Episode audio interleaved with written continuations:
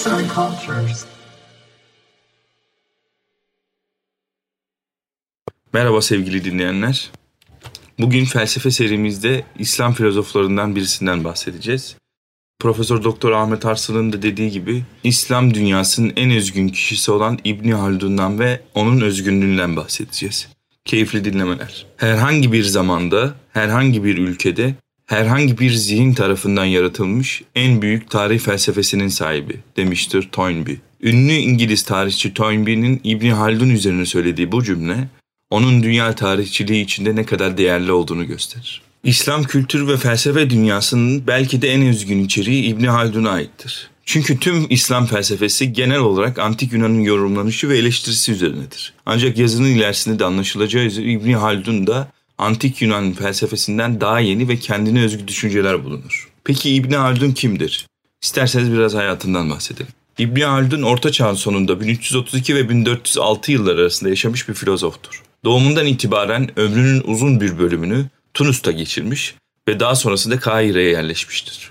Orada yaşamı son bulmuştur. Birçok devlet insanı ve bilim insanı yetiştiren soylu bir aileye sahiptir. Çok yönlü bir insan olan İbni Haldun da hem devlet insanı hem tarihçi hem de bilim insanıdır. 20 yaşından 40 yaşına kadar danışmanlık, vezirlik, büyükelçilik gibi çeşitli idari görevler yapmıştır. 40 yaşından sonra ise edindiği pratik siyasi tecrübeyle birlikte entelektüel çalışmalarına ağırlık vermiştir. Peki İbn Haldun yaşadığı dönemde nasıl bir tutum sergilemiştir? Ve entelektüel tutumu nedir? Biraz ondan bahsedelim. İbn Haldun İslam dünyasının 12. yüzyıldan önceki tarih çalışmalarını beğense de kendisine kadar olan yaklaşık 200 yıllık dönemde iyi bir tarih çalışması olmadığını düşünmektedir. Hatta günümüzde genel yargı gibi 12. yüzyıldan sonra İslam dünyası adına genel olarak her alanda bir gerilemenin, bir yozlaşmanın olduğunu düşünür. İbn Haldun bu gerilemenin kendi yaşadığı alan olan Kuzey Afrika içinde geçerli olduğunu düşünür.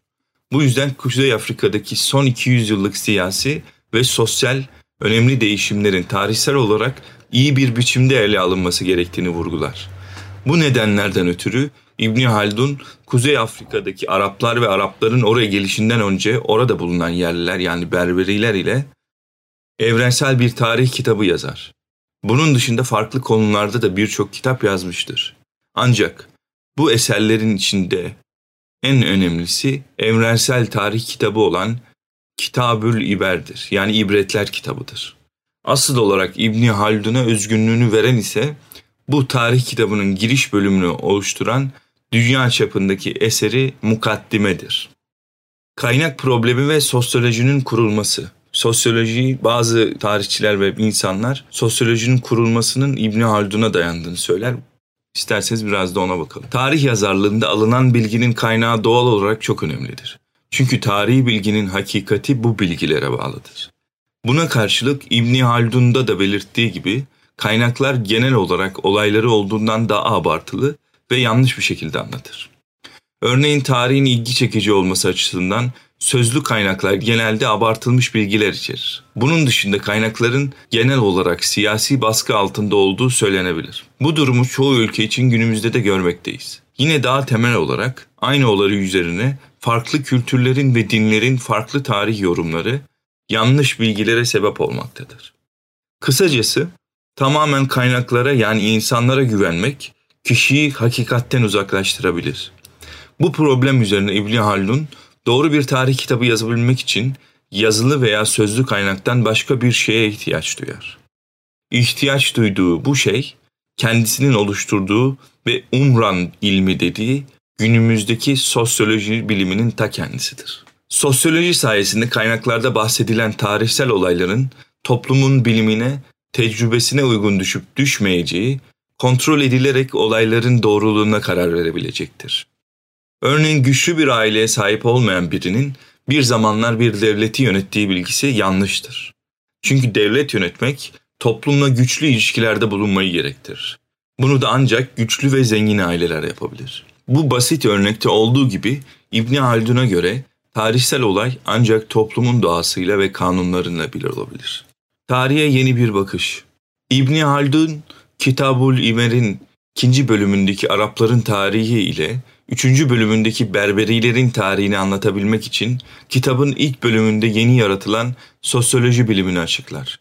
Ön söz anlamına gelen mukaddime adındaki bu giriş bölümü İbn Haldun'un o zamana dek görülmemiş bir biçimde tarihi ve toplumu bilimsel olarak ele alışını içerir. Büyük filozof Aristoteles'e göre tarihin biliminden söz edilemez. Çünkü tarihteki hiçbir olaydan tümel olarak bahsedilemez. Her olay biriciktir ve kendine özgüdür. Bilim ise tümeller ile ilgilidir. Örneğin Ahmet ölümlüdür cümlesi bilimsel olmazken bütün insanların ölümlü olması bilimseldir. Bu yüzden Aristoteles tarihten tarihi tikel olaylar olarak bahsedebileceğini ancak tarih biliminden bahsedilemeyeceğini düşünür. Ancak İbni Haldun Aristoteles'ten yaklaşık 1700 yıl sonra onun yarım bıraktığı bir konuyu tamamlamış gibidir. Aristoteles'in felsefesindeki bilimselliği, nedensellik ilkelerini, her şeyin doğasının ve özünün olduğu görüşünü tarihe uygulayabilmiştir. Ona göre eşyanın doğası olduğu gibi toplumun da bir doğası vardır. Nasıl ki muma her ateş tuttuğumuzda mum yanıyorsa, toplumun da kendi içerisinde böyle bir düzeni ve kanunları vardır. Toplum ve tarih alanındaki özgün görüşüyle İbni Haldun, antik Yunan ve sonrasında gelişen tarih anlayışına çok önemli bir bakış açısı katmıştır. Ve onun kurduğu Umran ilmi yani sosyoloji 19. yüzyılda akademik bir disiplin olarak sosyoloji olarak adlandırılmıştır. Yazan Eser Bektaş, seslendiren Alpagut Aykut Tüzemen.